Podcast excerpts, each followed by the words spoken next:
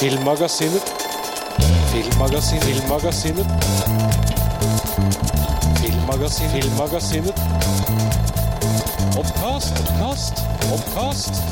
Filmmagasinets podkast. Hei, og velkommen til første episode av Filmmagasinets podkast. Men er ikke Filmmagasinet dødt? Nei da.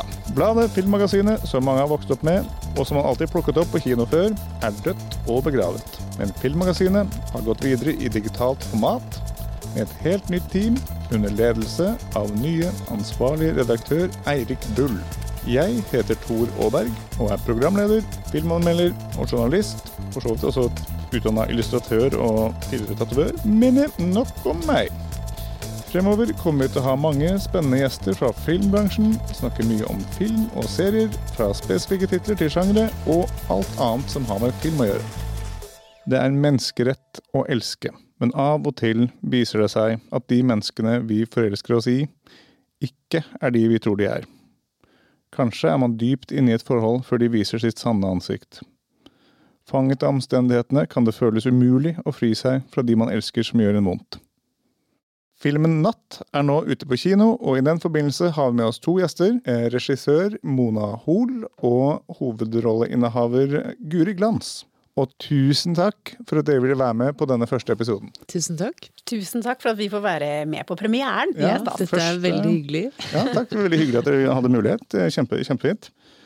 Eh, før vi går ned, eller stuper inn i nattemørket, eh, så tenker jeg at, eh, at jeg vil bare snakke litt om bakgrunnene deres. Eh, Mona, du er jo da filmregissør. Eh, du er også manusforfatter og filmprodusent. Du driver et produksjonsselskap som heter Freedom from Fear. Mm. Og er blant mange ting også kjent for å ha produsert eh, Norges første eh, og eneste sertifiserte dogmefilm. Ja. Når nettene blir lange. Ja. Mm. Er det sånn at du har regissert og ehm, skrevet manuset for alle filmene dine, eller hvordan?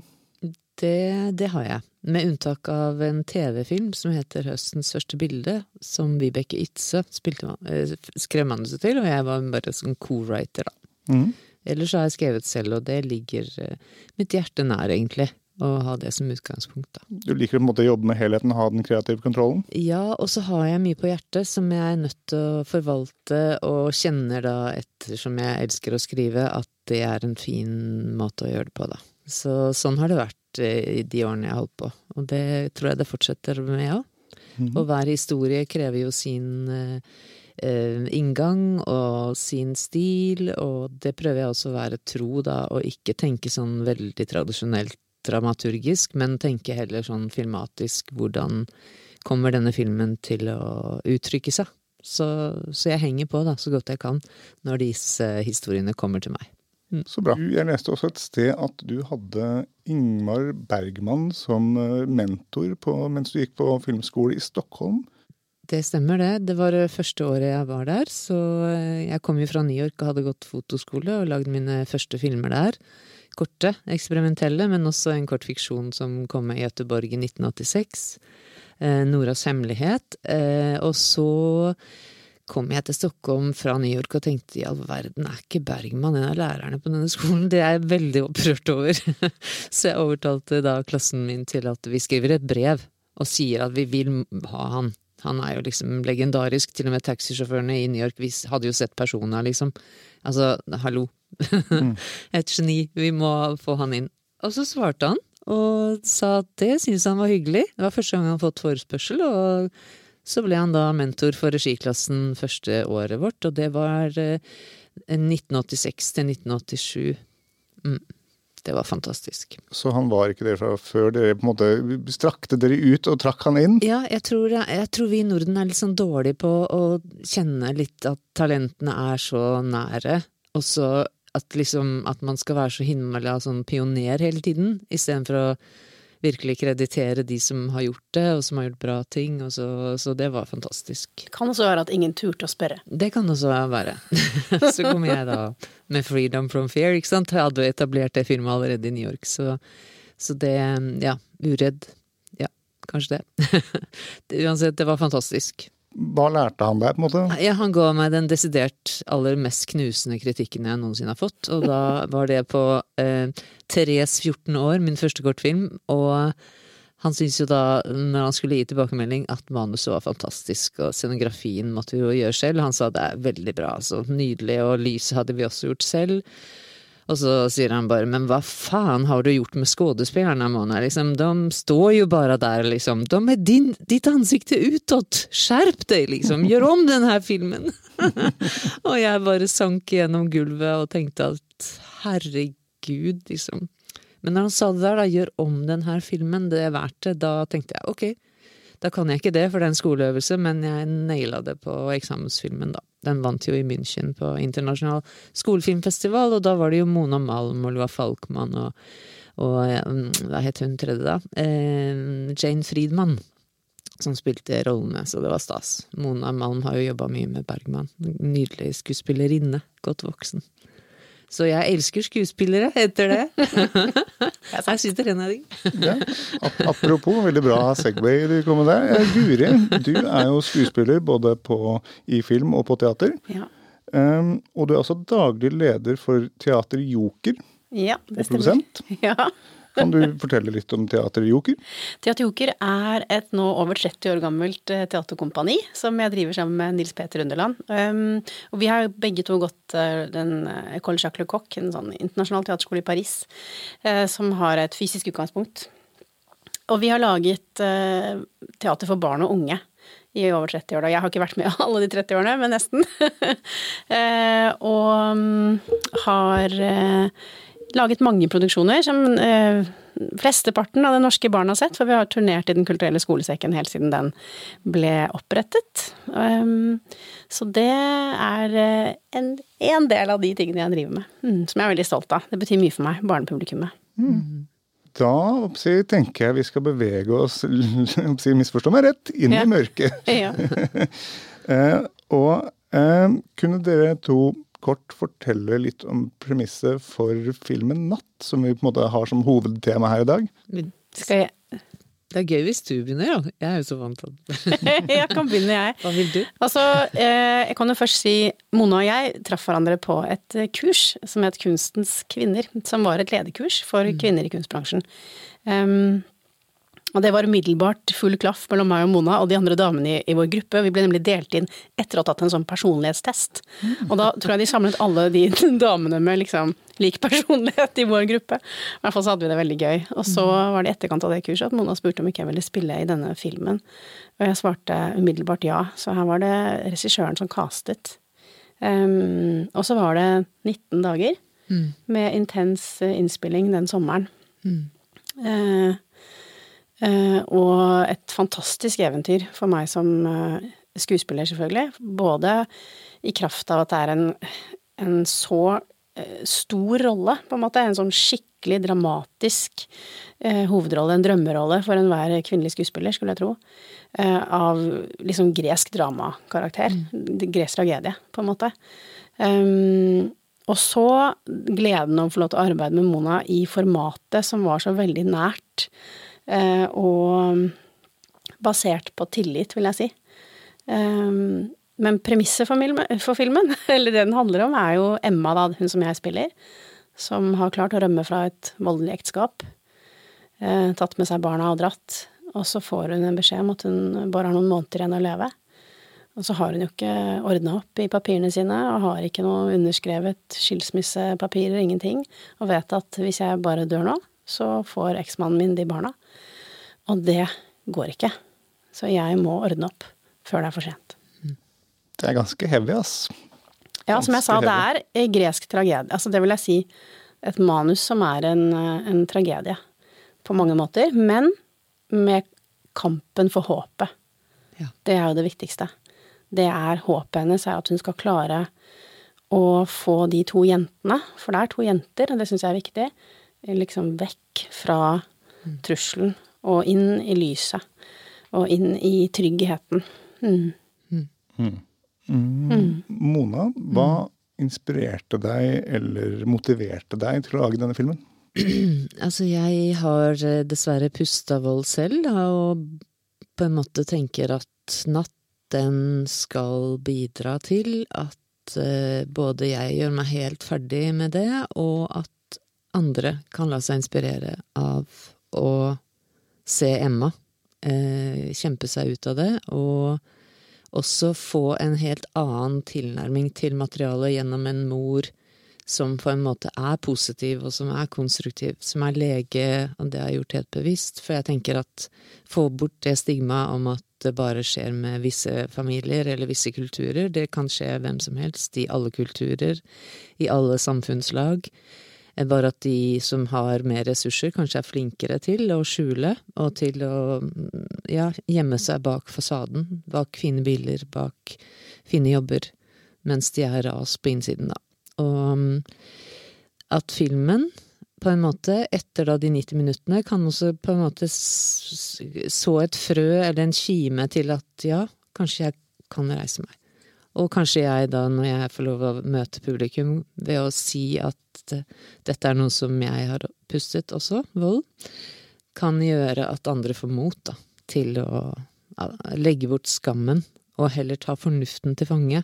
For det er nemlig sånn at det er ikke den som er voldsutsatt som skal skamme seg, det er voldsutøver.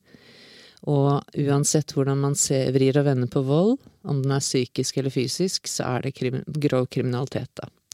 Og det er jeg veldig glad for at jeg, i samarbeid med politiet nå, som er med og møter publikum på, etter, etter filmen, og krisesenter, har lært at det må vi liksom fronte i alle samtaler.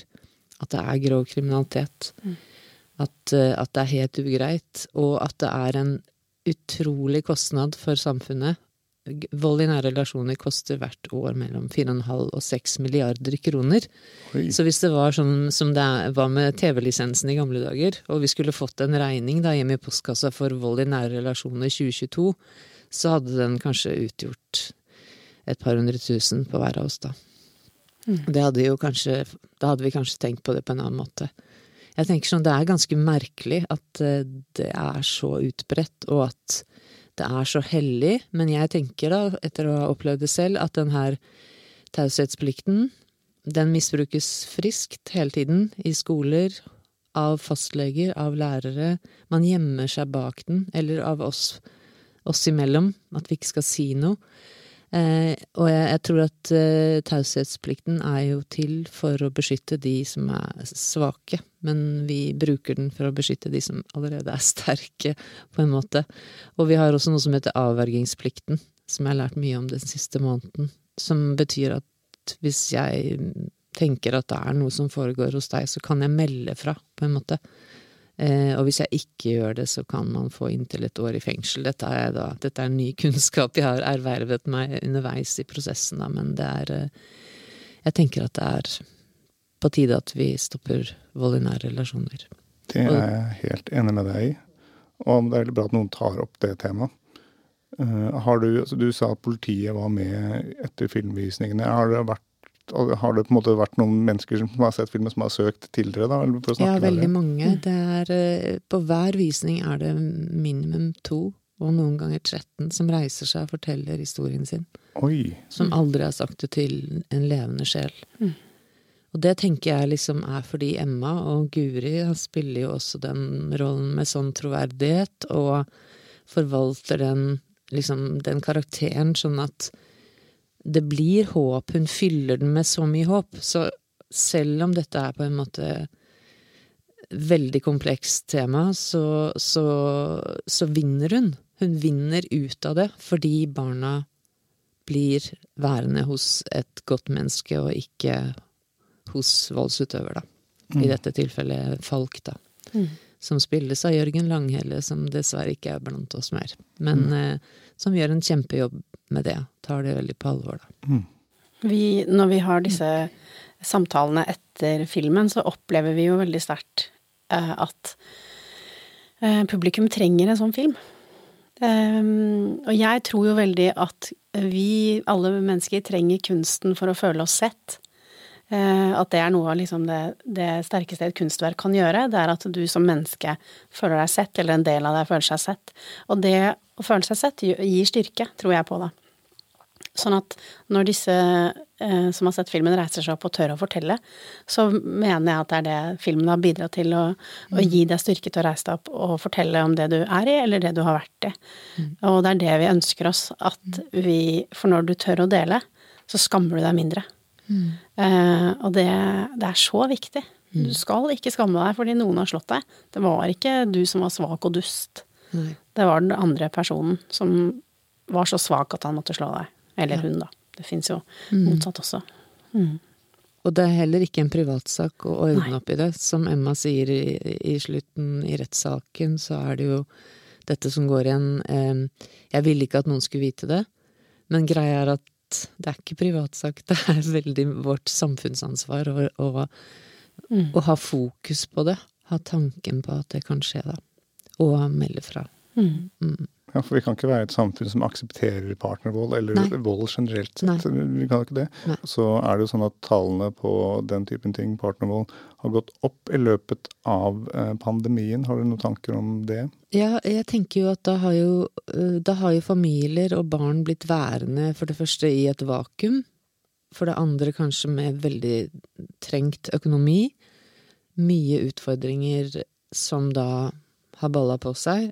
Og så er liksom hvert menneske isolert, eller hver familie i sin boks. Og da, da har det bare økt på, rett og slett. Det blir en slags trykkoker, ikke sant? En trykkoker. trykkoker. Og det er jo sånn at man kan jo godt ha utfordringer, og man kan godt krangle og være uvenner og sånn, men å ty til vold for å få makten i situas over situasjonen, det er jo også et språk som man kanskje har tillampa seg, dessverre, i barndommen. Og veldig mange voldsutøvere har jo vært voldsutsatte som barn, og så drar man det med seg videre.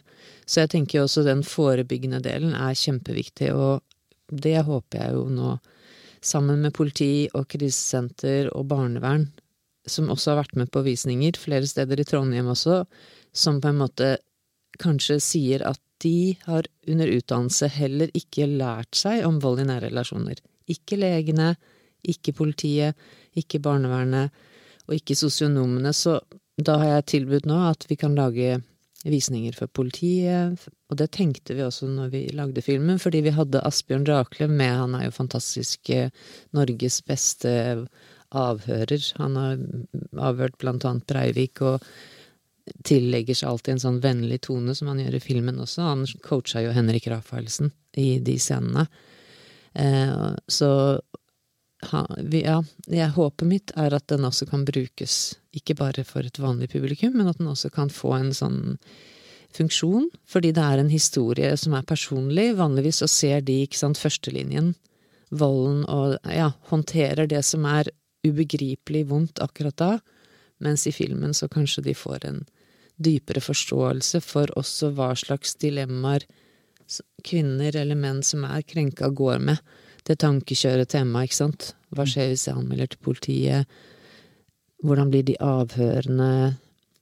Hva med barnevernet? Kommer de til å ta barnet? Hvordan blir det, liksom? Hvordan er, kommer de til å se på meg som en sånn? Du vet, skammen. Altså, vår toleranse for eh, alle som ikke klarer noe, kanskje trenger å økes på den måten at eh, vi som samfunn da legger inn et ekstra støt på det. Også. Absolutt. Mm. Og et interessant virkemiddel i filmen er jo også det at man ser ikke så mye til selve volden. Man ser mer av effekten av den. For det er det jeg antar du har da gjort et bevisst grep der for å på en måte fokusere mer på det. Ja, jeg er liksom livredd for sånn tabloid eh, vold, for eksempel, da. I dette tilfellet. Jeg tenker at det er helt uinteressant. Det som interesserer meg, er jo denne karakteren og det greske dramaet, tragedien. Det mennesket som på en måte Og hvilke mekanismer som styrer henne, også fra barnsbena. Kanskje er Emma også på en måte Kanskje har hun blitt tolerant for grenseløs atferd allerede i barndommen, og det trenger ikke være vold, eller sånn Det kan være andre ting som gjør det, men noen, noen grenseløse tilstander har gjort at hun på en måte kanskje glir lettere inn, da, i den situasjonen med et grenseløst menneske. Er det arvede rollemønstre, eller hva? Ja, det forskes på det nå, faktisk. Og jeg lærte her om dagen av en lege som eh, hadde gjort noe research Nei, en psykiater som jeg møtte på Vega, hun hadde nemlig jobba med det prosjektet som Oslo-politiet har hatt nå, som er veldig vellykka, som heter RISK. Og som de har testa ut på Stovner, og som funker. Hvor politiet går inn i mye tettere dialog med voldsutsatte familier og følger opp barna, voldsutøver og voldsutsatt, og noen ganger også klarer å få de til å unngå å bryte opp som familie, fordi de får hjelp til å komme ut av voldsspiralen. Så det er veldig mye håp i dette, og det er fantastisk at, eh, at den dialogen nå kan liksom gå rundt og ut fra natta, syns jeg. Men hva lærte du av psykiateren? Ja, det. Jo. Eh, forhold, jo, nemlig det at eh, når, hvis man som kvinne har vært voldsutsatt, og ikke lever i det lenger, men får et barn og ammer det barnet, så er fortsatt de sporene man selv har i hjernen, kan Mm. gå gjennom morsmelken. Altså gjennom Det kan plantes igjen ut i barnet gjennom din fysiologi. Oi. Dette har de nettopp eh, oppdaget, så den trenger ikke være voldsutsatt lenger, men du har i deg noe da som kan Mm. Traumer kan arves, rett og slett. Er det da? Det, Og det, de har forsket på det også i forbindelse med holocaust, vet jeg. At Mm. disse ekstreme traumene som de ble utsatt for, ble nedarvet um, som, som personlighetstrekk, eller ikke sant. Mm. At det skrur av og på gener i kroppen, rett og slett. Mm. Så det er jo enda en grunn til at vi må stoppe det. Ikke bare at voldsutsatte barn selv kan bli voldsutøvere, men, men det at du kan, du kan arve angsten til Mm. moren din, på en måte. Mm. Ja. Ikke bare gjennom, måte, gjennom atferd, men også Nei. gjennom måte, Fysiol genetikk. fysiologi. Fysiolo ja. Mm. Mm. Uh, Emma i filmen, hun tenker jo iallfall delvis iallfall tidlig, På begynnelsen så tenker Emma at hun kanskje kunne forandre Falk. Vet du, hvis hun på en måte elsker ham eh, nok, så kanskje han vil forandre seg. ja. Det, jeg har litt inntrykk av at det er en del voldsutsatte som tenker litt på den måten. Ja. Det tror jeg alle som går inn i en relasjon kanskje gjør. Mm. At man går inn i en relasjon med et håp om at det skal være en bra relasjon. Mm. Og så får man barn, og vil man jo gjøre alt som står i ens makt for å opprettholde den eh, relasjonen, for å ha å være foreldre sammen. Ikke sant? Eh, og da Så det tror jeg er kjempelett. Og så ofte så begynner jo volden veldig lite, som Emma forteller også, at ja, han nikket meg ned, men det skjedde så fort at jeg tenkte at det kanskje var en ulykke. Eh, og så baller det på seg, men så finner man liksom grunner til å unnskylde det og, og tenke at ja, men det var ikke det det var, eller han mente det sikkert ikke sånn. og hvis jeg bare hadde sagt fra på en litt annen måte, eller ordlagt meg annerledes, så, så, hadde, så, så hadde han sikkert ikke blitt voldelig, så var det sikkert litt min feil. Og, og så lager man seg sånne forklaringer. Eh, og så da går det Og det går sakte, ikke sant. Så kan volden bli verre og verre, men fordi man hele tiden har forklart seg selv eh, og unnskyldt det, så til slutt så godtar man kanskje helt ekstreme ting. Som eh, Emma også gjorde, men i det øyeblikket hvor hun kjenner at nå er barna ordentlig truet, Mm. da går jeg. Så når det går utover noen andre enn henne selv, så eh, da det er det som får henne til å klare å bryte løs, da. Eh, og det det tror jeg veldig mange kan kjenne seg igjen i. Eh, både det at du lar det eskalere, og du holder på en god stund, flere år. Fordi du, du elsker jo dette mennesket. Eller det starter i hvert fall med den kjærligheten. Det er viktig. Eh, ikke sant? Det starter med en kjærlighet, det starter med en forelskelse. De, det er ingen som går inn i en relasjon og blir slått på første date, tror jeg. Tviler, tviler sterkt. Ikke sant? Sånn at, sånn at det er Og så holder man jo fast i den kjærligheten. Og så er det sikkert, det vet jeg fra flere, at det er alltid stunder av kjærlighet inni volden. Eller i trøsten etterpå, eller ikke sant. At man, så, som gjør at man bevarer håpet, da. Om at det skal ordne seg til slutt. Uh, og så gjør det jo ikke alltid det. Og da blir det fryktelig vanskelig å gå. Da blir det fryktelig vanskelig å gå, og så tenker man at det er kanskje bedre at jeg blir, for hva skjer? Det, Mm, Hvis jeg går, hva skjer når jeg går? Kommer han til å komme etter meg? Altså, vi vet jo at veldig mange partnerdrap skjer akkurat i det øyeblikket der. Når du endelig tør å gå, så kommer de etter deg. Og det er ikke uten grunn at man frykter det, ikke sant? Nei. Så Nei, det er det er en grunn til at det finnes krisesentre, og i, for noen uker siden så hadde vi en visning på Gimle, og da sier hun som er lederen for krisesenteret i Oslo, at de får 250 nye henvendelser hver måned. Oh shit. Det er nye brukere som ringer inn. Sånn at oh. dette er et enormt samfunnsproblem. Og hva er det som hvem, hvem Jeg lurer som Hvem er alle disse som slår? Hvem er, hvem er de? Og hvordan får det seg til å gjøre det, ikke minst. Ikke sant? Skjønner ikke. Jeg, jeg skjønner ikke hvordan mennesker kan gjøre det. Jeg klarer ikke å fatte det. Nei, og det er jo masse forskjellig forskning på det, og jeg har ikke svaret på det, men eh, jeg vet ikke om det har blitt lettere nå, det er en kortere liksom avstand til volden. Det sier man jo sånn gjengs nå, at det er en sånn eh, På grunn av alle skjermene da, sant, som barna våre er omgitt med, så blir liksom den menneskelige kontakten Det blir lettere kanskje å være kjip, fordi du tenker at det ikke har noen konsekvens. Du skjønner kanskje ikke helt konsekvensen av handlingene dine. Jeg vet ikke. Nei. I, I filmen så reiser jo eh, Emma opp til eh, nord for å Ja. finne Falk og eh, servere han eh, skilsmissepapirer. Mm. På veien der så kjører hun seg annet bort, så det er mye sånn ulende vind, og det er stadig reinsdyr som dukker opp i veien der. Mm. Er det noe symbolsk betydning eh, som ligger under der? Det, har, det lurte jeg på når jeg så filmen. Ja, definitivt. Det er jo på en måte ønsket mitt som, som regissør at hun skal få den Hva skjer når hun får den tiden, når hun får det pusterommet? Når eh, vinden får lov å liksom jobbe i henne? Når hun får den natta i bilen? Eh, når det reinsdyret står og ser på henne og sånn Ja, ok, hva er det med deg, liksom? Hva trenger du hjelp med? Altså, det er den rå og på en måte direkte kommunikasjonen med naturen som, som jeg syns Emma trenger, da, rett og slett. Også når hun står ute på båten og har blitt med fiskeren. Og jeg ønsker jo også å vise menn som er sympatiske i filmen. Det er ikke sånn at jeg er generelt motstander av menn, tvert imot. Men liksom at man kan vise situasjoner da, hvor hun ja, også får tilgang til det hun trenger. Bare en type pause. Hun har vært inne derre overleve, komme seg gjennom jobben. Hun er jo konstruktiv, hun redder mange mennesker på jobb hver dag. Der får hun også hjelp til å skyve sine problemer litt på avstand. Og, og passe på barna og ha bygd et nytt hjem og på en måte go, go, go. Og så er det utrolig bra at hun får satt seg på det flyet med den beskjeden at hun snart skal dø, og så at hun får tid til å puste og få kraft. Det er nok mange som ikke får pusterom tilstrekkelig i hverdagen. Det tenker jeg er så stor del av også. Vi spurte om volden, hvor kommer den fra? Jeg tror vi lever i et så ekstremt utfordrende samfunn, og det går fortere og fortere. Man merker det. Barna ser ekstremt mye vold på skjermer. Det selger. Det er vare å selge vold. Og jeg tenker sånn det blir mer og mer fortere og fortere. Mindre og mindre kommunikasjon, myke hender, omfavnelser, alle de tingene som jeg tenker vi trenger også for å huske at man ikke skal utøve vold, da. Mm. Jeg tenker at det er Eller altså bruk, ty til sånne virkemidler, det er helt ugreit. Men det er ikke så ulogisk at det skjer, når man ser hvor mye voldsspill det er. Altså sitter jo i kanskje syv og en halv time, var det det sto i avisen her om dagen, og spiller Dreper folk på sånne spill. Det er jo ja, det kanskje er et eventyr, men det kan også kanskje gjøre noe med Det er ikke forska på hva det gjør med, med oss, da. Så ja.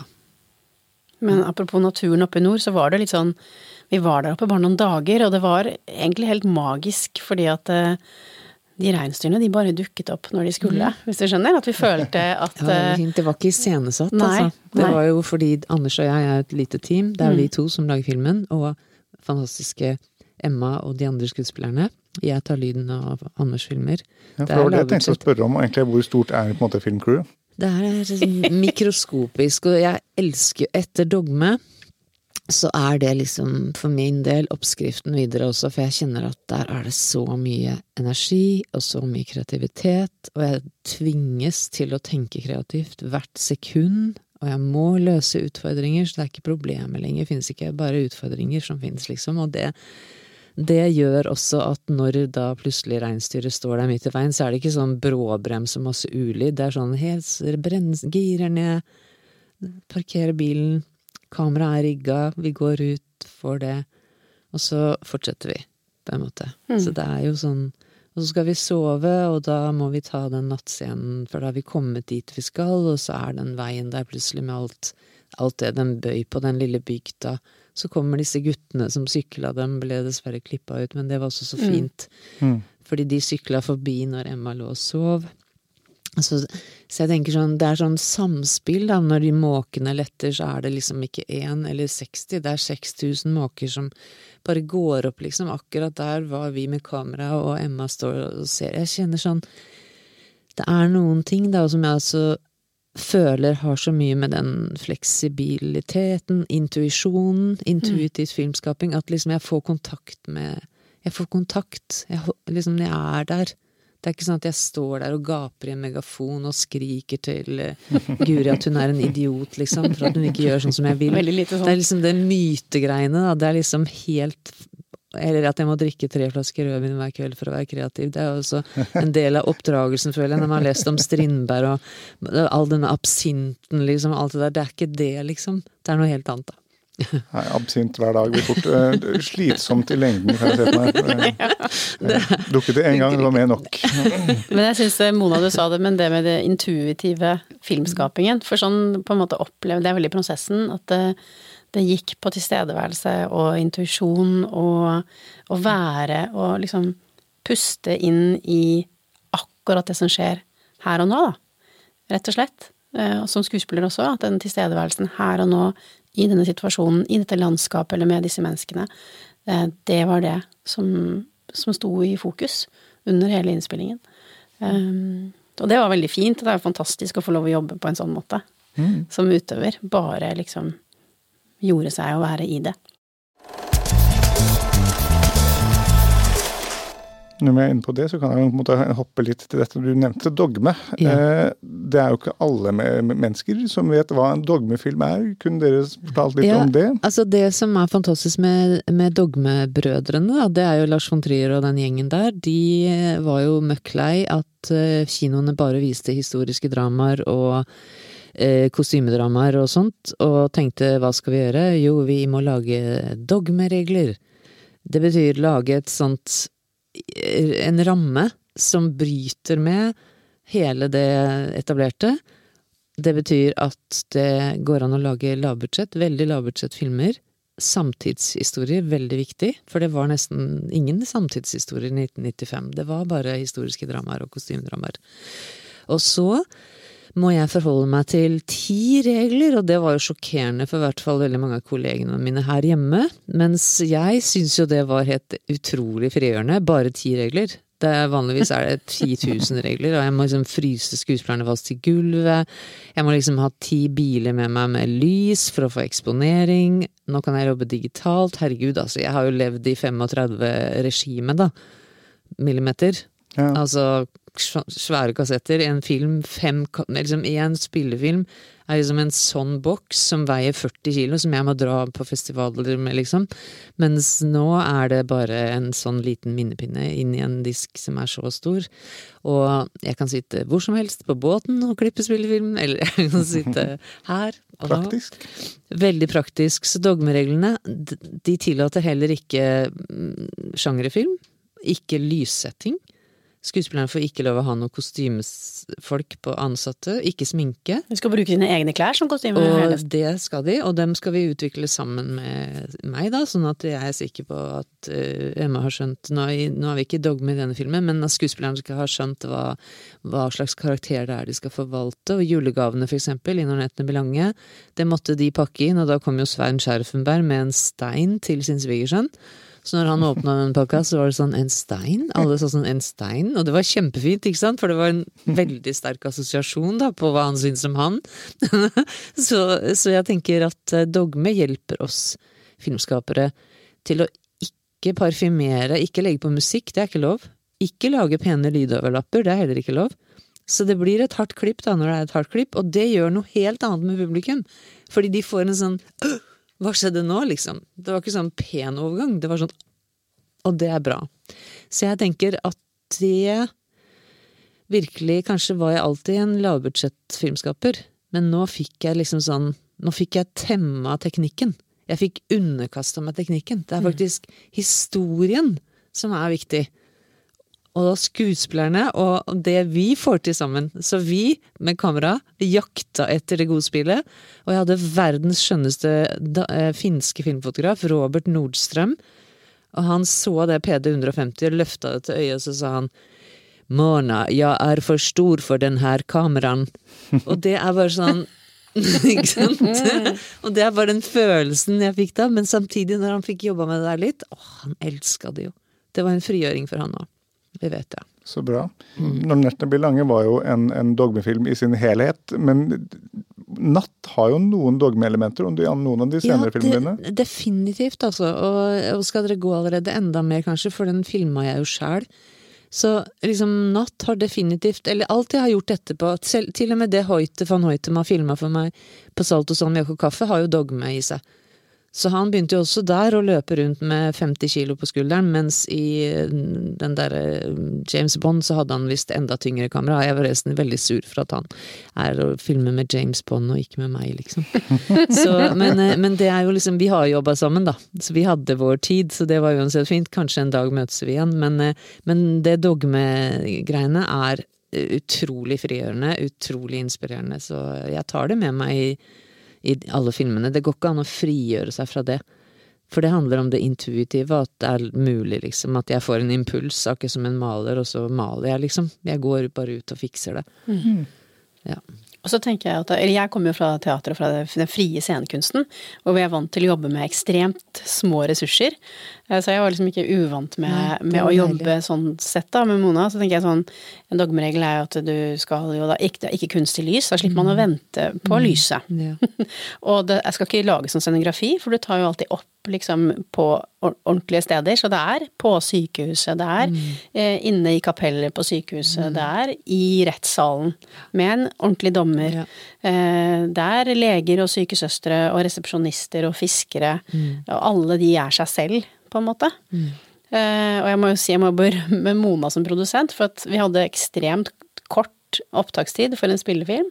Veldig få dager. Og hvordan du klarte å organisere alt. Eh, og hadde ringt rundt til alle disse menneskene hver gang vi kom, og, og, og de bare åpnet døren på Ahus, liksom. Vær så god, kom inn. Ja, det var, det var, virkelig helt fantastisk, og vi følte oss så velkommen og ivaretatt. Vi var der i går og filma i Vi tok bilde med Klassekampen i vaskeriet i går. Ja, nettopp. I vaskeriet. Jeg var der igjen. Mm. Mm.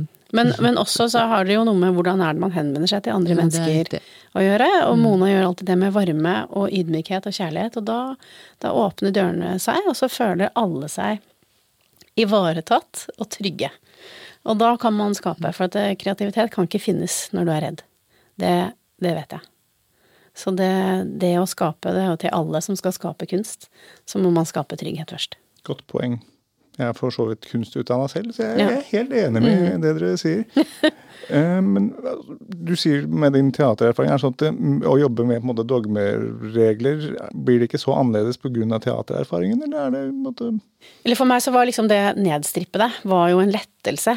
Fordi at når du kommer på et større filmsett, så er det jo liksom du er en sånn, Som skuespiller så er du en sånn bitte liten brikke som egentlig må stå i skammekroken helt til det er din tur. Eh, fordi alle de andre skal ordne med greia si, før du får lov til å liksom prøve å stå der og skinne litt, da. Og så er det 10 000 øyne som ser på deg med sånn Ja, nå skal hun gjøre det. Eh, eh, og det, det er ikke akkurat trygghetsskapende, på en måte. Så, så, det å få lov til å jobbe så tett, eh, og så eh, i ordets feile forstand fattig, på en måte, så nedstrippet, da, med bare en fotograf og en regissør til stede, som er helt til stede sammen med deg i øyeblikket, gjør jo selvfølgelig at det er mye lettere å skape. Um, og, og, og, og, i og med at jeg da ikke hadde noen forventninger om noe uh, glamour eller uh, sminkekostdame som står rundt hjørnet, så, så slapp jeg å Det var mer sånn at jeg slapp å bekymre meg for alt det andre.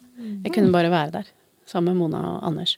Mm. Eh, Mona, du nevnte i stad dette med at man skal uh, ha egne klær. Er det sånn at dere to måtte dra ut og handle og shoppe litt? Ja, det er fantastisk. Jeg, har, jeg, elsker eh, den handleturen vi hadde til For jeg, sant, det er lite penger, så vi må på Fretex. Så det er Fretex Alnabru perfekt. De mm -hmm. sorterer klærne etter farger. Så da hadde vi selvfølgelig dårlig tid, for at alenemødre, ikke sant. Vi skulle mm. opp der og fikse, og klokka gikk, og vi prata i bilen om Emma og bygga opp henne, og så ikke sant? Og det er 10 000 hele tiden på impulser, tanker, blablabla. Og så kommer vi inn på Vretex, og så ser vi gjennom lokalet, og så er det bare sånn Der borte er det Der er Emma! Og begge to var enige om det. Ja. Så er det bare å prøve 300 par mens vi skravla går, og minuttene går. Og Ja, hadde liksom, jeg så kom vi ut derfra time. med en sånn veldig svær eske med det her litt grønnaktige som Mm. også har, som jeg liker så kjempegodt. Nydelig, som også bare løfter huden og håret. Jeg blir bare sånn å, vilt begeistra når jeg så de klærne på Emma. Det er jo ganske få egentlig replikker i Altså det er ikke kjempemye Det er ikke en stor snakkefilm. Nei. Og, og uh, Guri er jo veldig fysisk. Uh, Nei, At du tenker at det kommer fra det fysiske teatret, er det det du tenker på? Ja, at jeg på en liksom måte. er fysisk utdanna som skuespiller? Mm.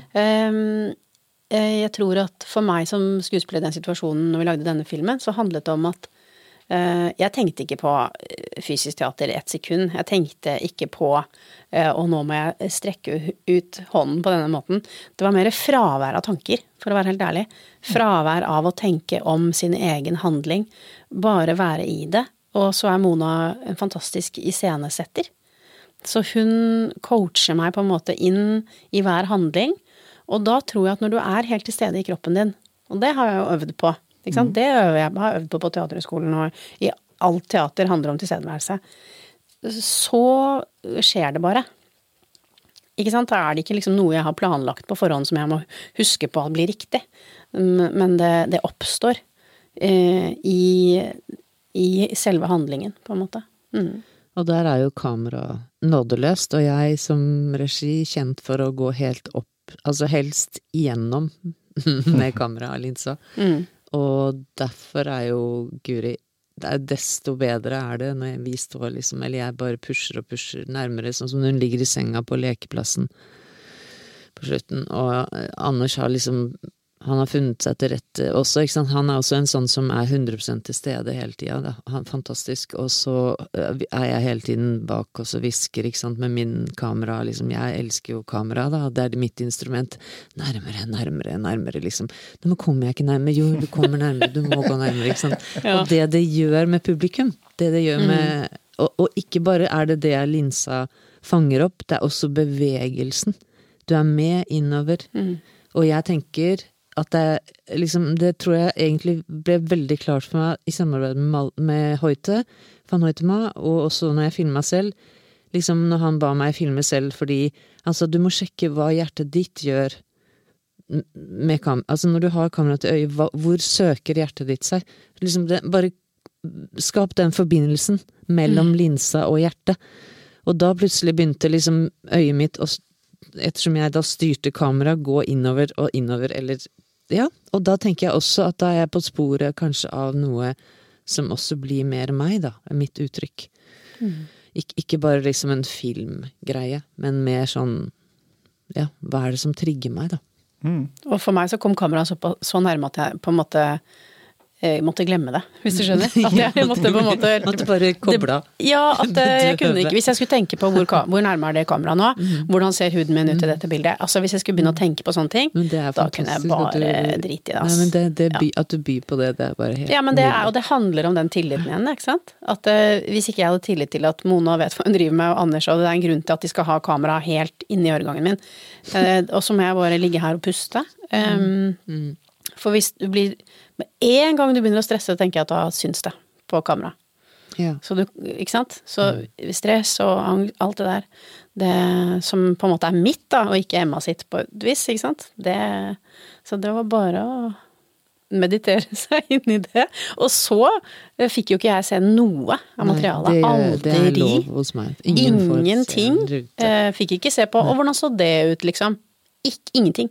Før filmen hadde premiere, eller den visningen på Oslo Pix i høst, Mm. så hadde jeg sett ett stillbilde, tror jeg. Så man kan ikke bli selvbevisst på grunn av at du liksom Nei, ser og du det er er jo så deilig, for er det noe som er en farlig felle for skuespillere, så er det å bli selvbevisst. Ja, og jeg vet det. Det har jeg lært av Bergman, faktisk. Ja, nettopp. Det har jeg lært av Bergman. Mm. Bergman var en klok mann. Ja, veldig. Jeg tenker på det. Det er veldig bra. Ja, Mm. og det og så er det liksom også hva slags informasjon er det du som regissør gir til skuespilleren din? Ja. Hva er det, hva de tingene Mona sa til meg, det var ofte ikke så mye. Mm. Um, ikke snakke i hjel ting, på en måte. Uh, og så må du bare, må vi bare sammen stole på at det skulle Mm. komme. Og den nærheten dere snakker om også, gjør jo at man kommer utrolig tett på Emma, og det gjør det også nesten umulig å ikke ta det innover seg. Mm. Og det er jo et sterkt grep i seg selv. Ja. Um, Guri, du har jo også, altså i filmen så er jo disse barna du uh, har med, det er dine egne barn. ja. Det er ganske måte, interessant og spesielt. Uh, hvordan, hvordan var det for deg? Altså, ble ble det kanskje en, en mer naturlig intimitet mellom dere, da? Ja, selvfølgelig. Det er kjempelurt å bruke skuespillernes egne barn. det vil jeg anbefale alle å gjøre. Hvis man vil ha, altså, Og det er ikke, Mona er jo ikke den første som har gjort det. Det har jo mange gjort. Vibeke Løkkeberg og nå senest den de, de uskyldige, var det ikke den? den? Den filmen, nesten litt sånn skrekk-barnefilmen. Der var det også eh, noen egne barn av skuespillerne. Så, men det for meg så var jo det helt nydelig, på en måte.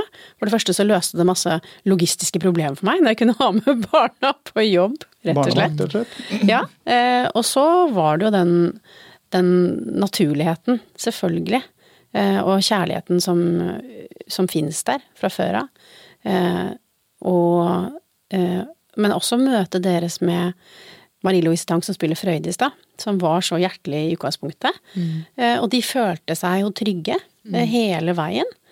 Eh, de koste seg, de hadde det fint. De var på steder som de hadde vært på før. Eh, så jeg tror De var jo selvfølgelig klar over at det var et opptak, men samtidig så var de jo såpass små at de glemte det fort også, ikke sant, og bare var i situasjonen sammen med meg.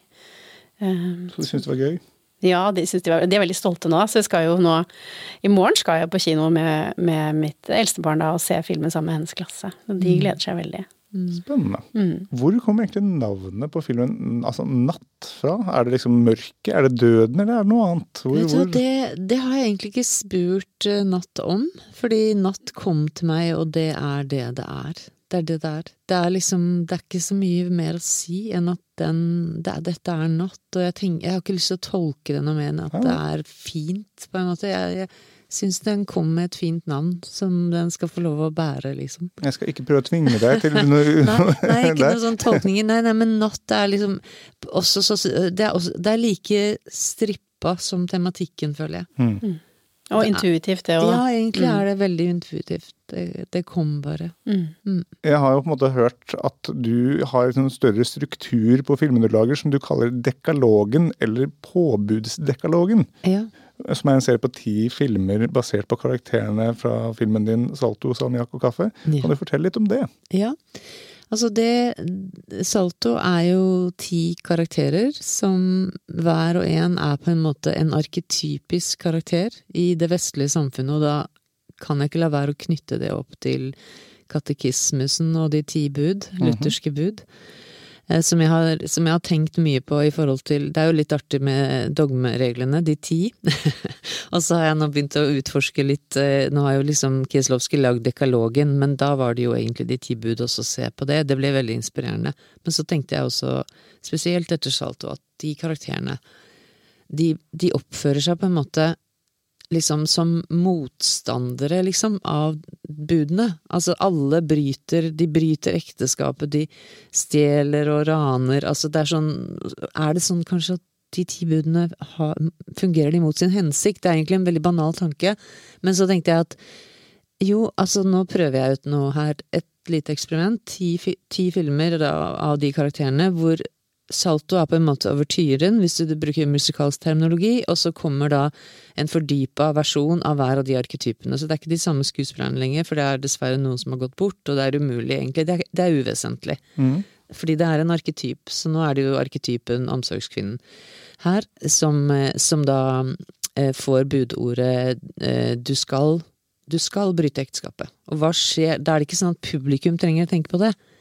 Dette er en sånn motor inni meg, og i samarbeid med skuespilleren. Hva skjer da med deg hvis jeg utfordrer deg nå på å bryte ekteskapet? Vil det sette i gang en bevegelse i deg og i publikum, på en måte, uten at de vet noe om det budordet? Og det Da er det ti filmer totalt, og da er dette nummer to i rekken av ti.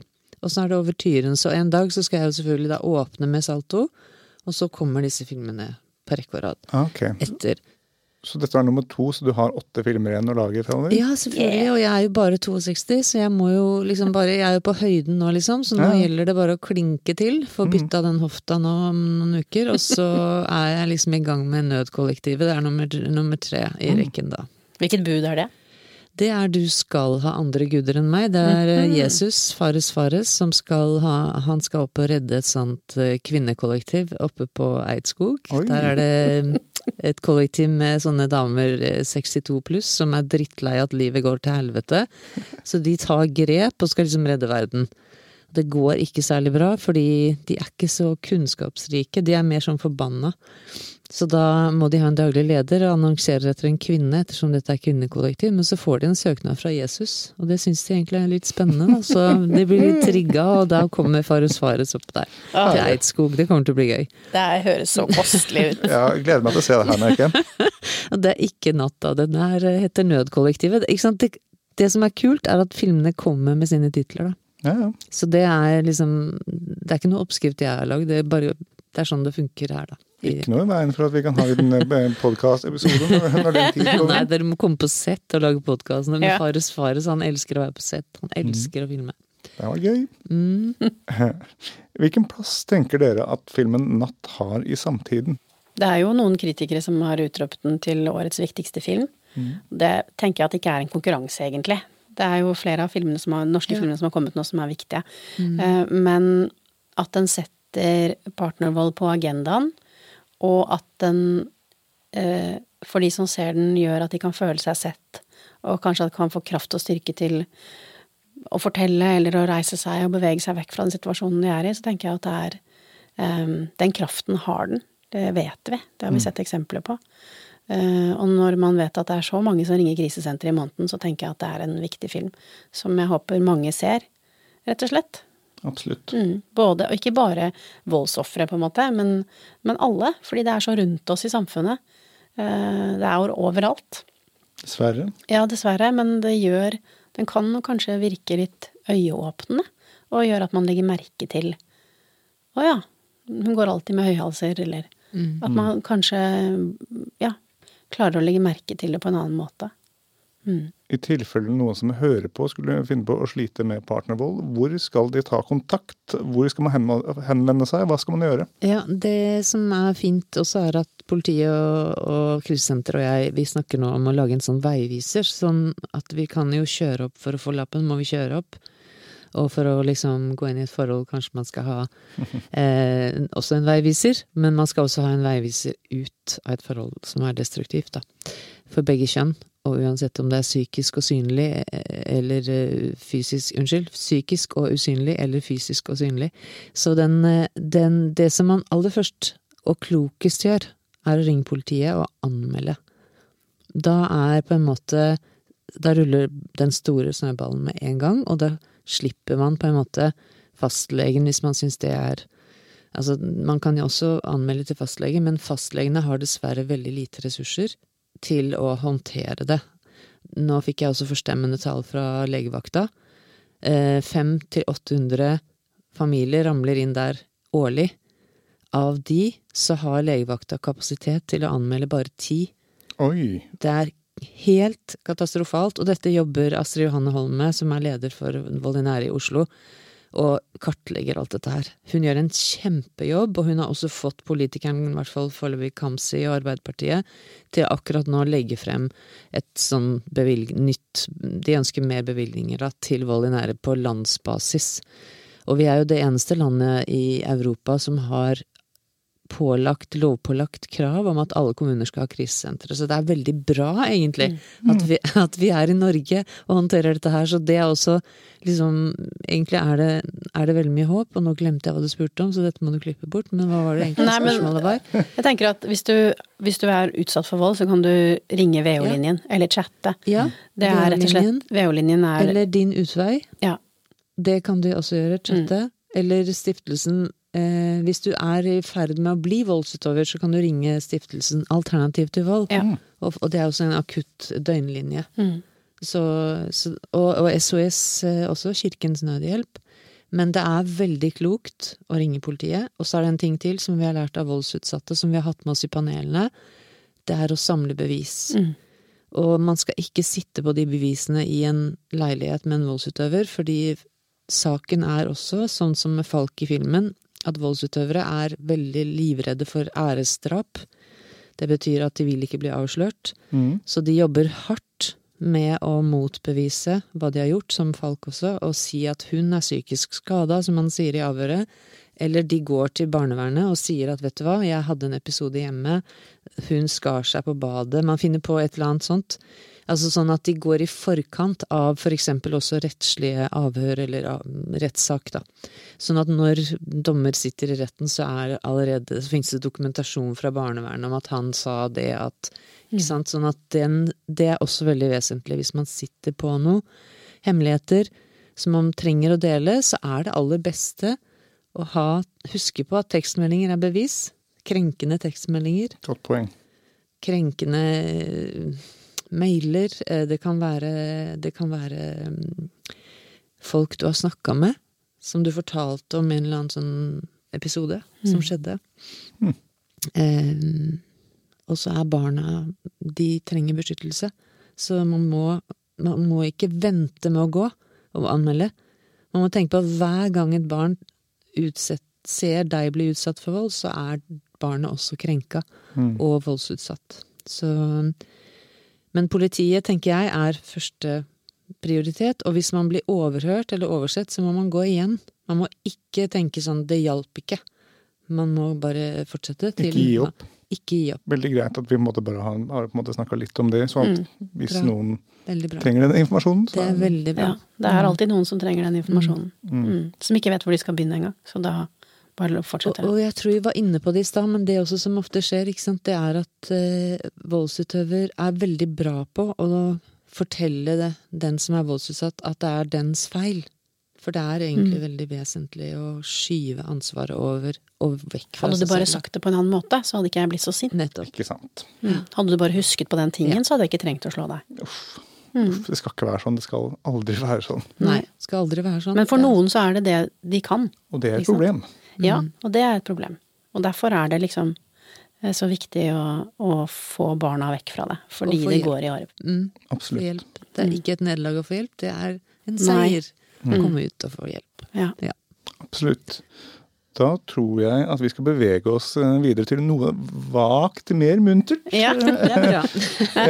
Rett og slett, eh, Vi kommer til å ha sånn fast segment hvor vi spør litt om filmer og serier. Ja. Har dere sett noen gode filmer i det siste? Jeg eh, måtte se med min eh, tenåring som lekse eh, filmen 'Sameblod'. Den kom jo for ganske mange år siden. Aha. Men den det vil jeg oppfordre alle til å se igjen.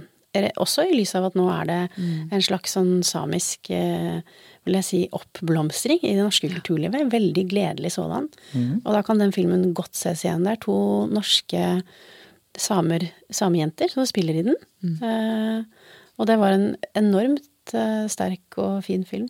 Mm. Det, er den, det er den jeg har rukket å se ja. midt oppi lanseringen nå. Den er regissert og skrevet av Amanda Kernell. Ja, svensk film egentlig. Eh, eh, hu- Ja, hun er svensk-samisk. Mm. Ja.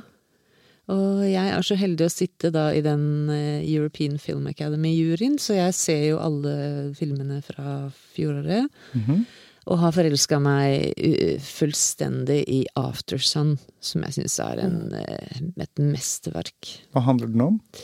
Den handler jo om en eh, jente som er på ferie med pappaen sin, som hun normalt ikke ser så mye. Jeg syns også Close er helt fantastisk, og jeg synes det er så mye bra filmer i fjor. Helt fantastisk. Altså, den islandske også, som er helt rå, hva heter den? 'Driving Mom'.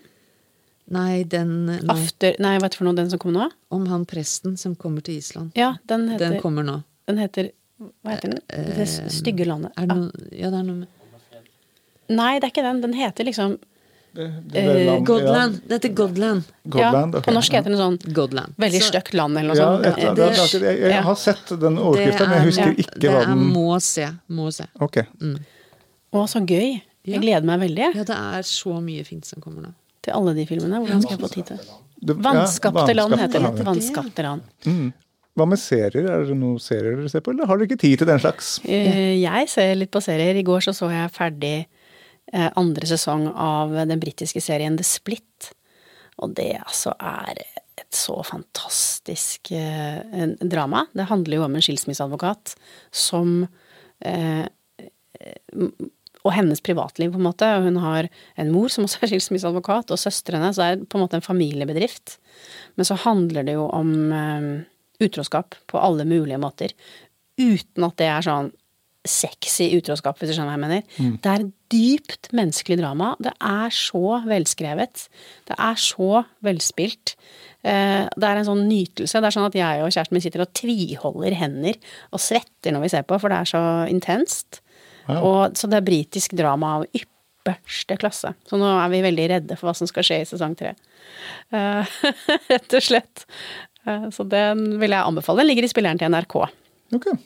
Mm, The Split. Ok, ja. The Split. The Split. Mm -hmm. Jeg har veldig lyst til å trekke fram den svenske politiserien som er fra Malmö, er det vel? Og hva heter den da? det blå båndet? Ja, gud. Ja, den, den blå linje. Den, den, den har jeg tatt med. Jeg har mm. egentlig mm. ingen tid til overs Veldig sjelden, ettersom jeg også er så dum å produsere selv og gjøre alt selv. Men, men, det elsker jeg jo, så da blir det noen ganger hvor jeg liksom stuper ned i senga, og så ligger jeg og ser et par episoder. Fantastisk. Mm. Den er fantastisk. Den blå linjen. Den er så utrolig velspilt også, og så vakre karakterer. Og den griper også inn i samtiden og de tingene vi De utfordringene vi står i nå. Og mm. jeg tenker sånn det er kanskje litt sånn nå at de filmene kommer nå for fullt. Altså at det er rett og slett sånn som Gøteborg Filmfestival, de har en fantastisk rapport årlig som heter Nostradamus-rapporten, som skrives av forskere. Og for, i 2019 så kom den som het Hvordan skal vi få plass i støttesystemet til statlig støtte til film når verden går til helvete? Jo, da er vi nødt til å begynne å lage relevante historier som griper inn, og kan bidra til at vi får en bedre verden, da. Mm. Samfunnsutvikling. Det ja. Vi må jo tro på det, tenker ja. jeg, som, ja. som skapere. Ja. At å lage innhold, da. Eller nå er det så mye innhold. Mm. Altså det er helt sjuke mengder med innhold fra bare fra jeg vokste opp mm. på 80-tallet til nå. Mm. Eh, så er det helt vanvittige mengder med innhold. Da må vi jo tro at når vi holder på med å skape innhold, at mm. det har en mening. Ja. At det har en misjon. Mm. At det vil si noe. At i den ytterste konsekvensen så vil vi lage en bedre verden. Mm. Med det vi gjør. Sånn må det jo være. Enig. Der. Uh, ja, sånn helt til slutt, helt til slutt, dere, uh, så er det noe dere vil fremheve?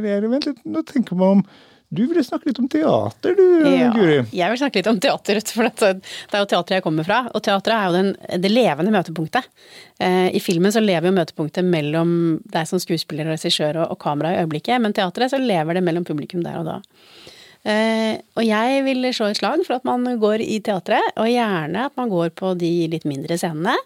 Uh, og der, for øyeblikket nå, så kan man gå på Vega scene og se på Bjørnene, som er skrevet av Fredrik Høyer, som også driver med film. Han har blant annet skrevet en av de fortellingene i den nye Munch-filmen. Uh, så han har laget en nydelig tekst om bjørner, som de fremfører på varmt og herlig vis.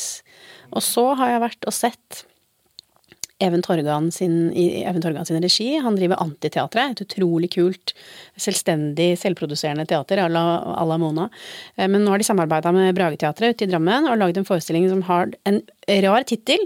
Eh, den heter Stor cis-energi. Eh, og handler jo om Det foregår på et lærerværelse hvor lærerne diskuterer en elev som da vil skifte plass på fotballaget. For okay. det er en, en, som er født jente, som nå opplever seg selv som gutt. Altså en transgutt, mm -hmm. som har lyst til å spille på guttelaget. Dette lager bruduljer. Og det er så enormt godt skrevet.